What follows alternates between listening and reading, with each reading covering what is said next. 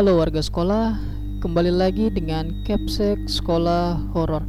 Apa kabar kalian semua? Semoga baik-baik saja. Di kelas horor kali ini, Capsek akan membaca cerita mengenai teror hantu berdarah bagian ke-1. Cerita ini bersumber dari akun Twitter @nazulfa. Selamat mendengarkan. Halo semuanya. Di cerita kali ini Zaya akan menceritakan tentang Sosok hantu yang datang meminta bantuan padanya. Sosok yang memiliki tampang jauh dari kata sempurna Dan sosok yang menyimpan seribu ambisi di dalam dirinya. Hantu yang meninggalkan dunia secara tragis karena ulahnya sendiri hantu yang semasa hidupnya telah terbuai oleh kata-kata dan janji manis yang membuat dirinya dalam posisi yang mengenaskan seperti ini. Bagaimana dan untuk apa dia sebenarnya datang ke Zea? Awan kini telah menghitam, ditemani taburan bintang yang gemerlap indah. Kutatap lekat langit sembari terduduk santai dan menyeruput coklat hangat. Hari ini, hari yang cukup melelahkan bagiku. Hari yang sangat menguras energi dan emosi tentunya. Hanya dengan cara seperti ini, aku mendapatkan ketenangan walau sejenak. Aku sangat suka hening dan sendiri. Terlalu pusing bagiku jika harus berada dalam keramaian yang fana. Dunia masih terlalu kejam untukku yang belum mengerti apa arti kehidupan yang sebenarnya. Aku hanya remaja yang sedang berada pada titik terlemah saat ini. Aku masih belum menerima sepenuhnya bahwa aku bisa melihat mereka yang tak kasat mata. Awalnya, kukira mempunyai keistimewaan seperti ini sangatlah menyenangkan karena aku bisa mengetahui banyak hal. Namun, pada kenyataannya aku salah. Ya memang terkadang ada untungnya aku memiliki keistimewaan ini, tapi itu hanya sepersekian saja. Sisanya, hidupku terasa amat mencekam karena sering mendapat teror mengerikan dari beberapa hantu yang tak tenang. Tak semuanya hantu itu bersahabat dengan manusia, dan Tak semua hantu pula jahat dan memberikan negatif kepada manusia.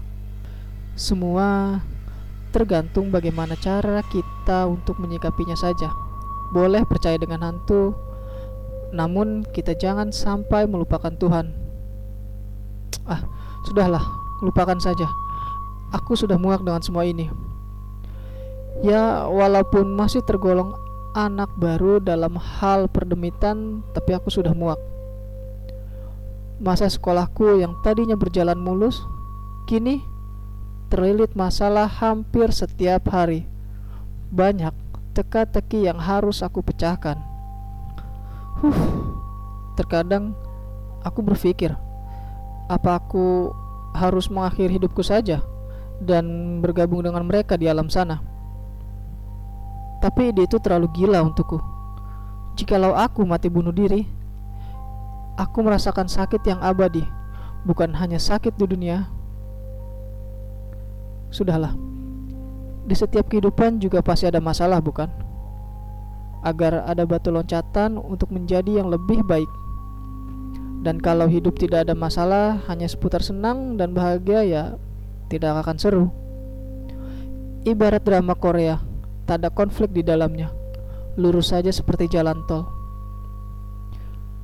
Malam semakin larut dan udara semakin dingin. Kuputuskan untuk masuk ke dalam kamarku. Kerubahkan diri di atas kasur queen sizeku. Kutarik selimut hingga menutupi pundakku. Perlahan kupejamkan mata sebagai awal perjumpaanku dengan alam mimpi yang fana. Namun, sepertinya malam ini sedang tidak bersahabat denganku.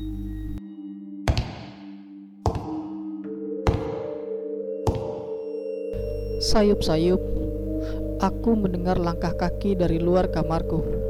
Oh, ayolah, bahkan belum ada lima menit aku memejamkan mata. Aku mencoba untuk berpikir logis. Mungkin saja itu suara langkah kaki dari mamaku. Aku mencoba tak peduli dan tetap memejamkan mataku. Walau ada rasa takut yang kini mulai singgah. Tapi tetap aku mencoba menepisnya jauh-jauh dan sepertinya ada yang mengetuk pintu kamarku sekarang. Aku membuka mataku, sedikit kaget memang. Mama, masuk aja mah, pintunya nggak saya kunci. Tidak ada jawaban dari luar sana. Aku pikir itu adalah mamaku. Kini aku mulai takut. Jangan-jangan ada maling yang ingin mencuri di rumahku. Ya Tuhan, tolonglah aku. Kuedarkan pandangan ke penjuru kamar. Tak ada siapa pun di sana. Hingga akhirnya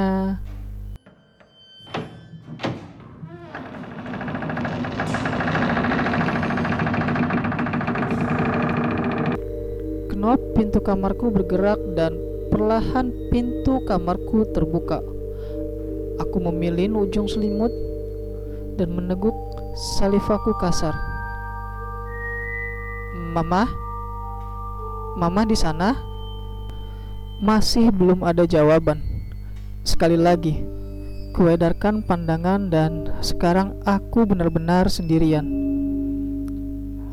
Mama jangan bercanda, Zea takut Ujarku Oh Bagaimana jikalau benar itu komplotan maling pembobol rumah Akan jadi apa aku jika bertemu dengannya Aku pasti tak akan selamat Dan tubuhku akan dicincang dan dimasukkan ke dalam koper seperti pada film-film psikopat Akhirnya Aku memberanikan diri untuk beranjak dari kasur dan menutup pintu kamarku. Aku berjalan perlahan menuju pintu.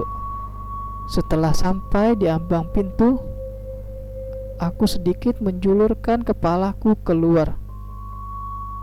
Dan benar saja, tidak ada siapa pun di sana. Hawa kamarku kini berubah dingin. Dingin seperti berada di kaki gunung. Dan bulu kuduku kini mulai berdiri merinding. Dengan cepat, aku menutup pintu kamarku. Saat aku berbalik badan, tiba-tiba buku-buku yang berada di meja belajarku terjatuh dan berantakan. Kini aku mulai mengerti. Suara derap langkah dan mengetuk pintuku tadi adalah bukan manusia. Ini pasti kerjaan hantu receh yang sedang cari perhatian. Kulangkahkan kakiku menuju meja belajar dan merapikan buku-buku yang tadi terjatuh. Setelah itu, aku duduk di pinggiran kasurku. Hai, siapa di sana? Kalau mau menyampaikan sesuatu, tunjukkan wujudmu dulu. Jangan membuat berantakan dan suara-suara gaduh di kamarku. Hening. Sudahlah, mungkin hantu itu hanya ingin bermain-main denganku. Lagi pula sekarang sudah mulai larut. Waktu menunjukkan pukul 23 lewat 15 malam.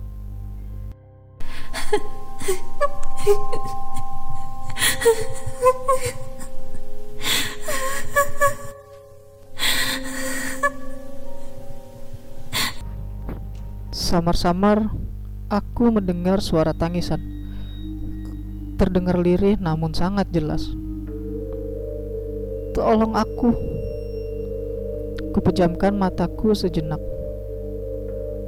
Siapa pun itu, jika kamu ingin menyampaikan sesuatu, tunjukkan wujudmu. Jangan menerorku dengan suara-suaramu itu. Perlahan, aku membuka mataku. Hasilnya masih sama, tidak ada siapa pun di sana. Aku mengedikan bahu dan menghembuskan nafasku kasar. Dasar hantu. Senang sekali dia membuatku takut seperti ini. Awas saja kalau ketemu nanti kumarahi dia. A aku di belakangmu.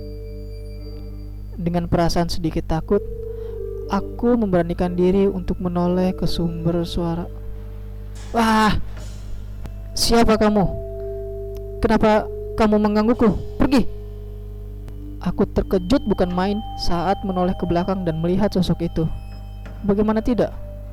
Sosok yang muncul di hadapanku adalah sesosok wanita berambut gimbal panjang dengan mata melotot yang hampir keluar berumuran darah dan juga gigi runcing bak tombak bercampur dengan nanah dan darah. Dan ada darah yang mengalir di sekujur kakinya. Gila sekali hantu ini, membuatku takut. Oh, oh, maaf, aku membuatmu takut. Aku masih setia menutup muka dengan tanganku.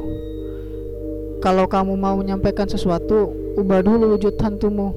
Aku benci darah. Ya, aku memang sangat takut dan tak suka pada darah. Jangankan melihat hantu seperti ini yang berlumuran darah. Melihat darah sendiriku saja kadang aku ketakutan. Sudah, sekarang buka matamu. Aku sudah tak semenyeramkan tadi. Ujarnya lembut. Perlahan aku membuka mataku. Kini sosok itu berada di sampingku dan, hei, lihatlah, dia terlihat sangat cantik sekarang, jauh berbeda dari wujudnya tadi. Dengan rambut hitam pekat panjang yang tergerai rapi dan muka yang putih bersih, badan yang sangat ideal dan tinggi. Dia sangat cantik. Tapi tunggu. Dia mengenakan rok span abu-abu seatas lutut. Baju seragam putih yang sepertinya sengaja dikecilkan. Dan tak lupa sepatu pantofel hitam dengan kaos kaki yang panjangnya hampir selutut. Dia nampak seperti pelajar SMA, tapi seragam miliknya itu terlihat sangat kuno sekali. Maukah kamu menolongku? Ujar sosok itu sembari menatapku sendu. Aku terdiam dan menaikkan satu alisku. Apa? Astaga, kini dia kembali tertunduk dan kembali menangis. Aneh sekali hantu ini, seperti habis diputusin pacarnya aja.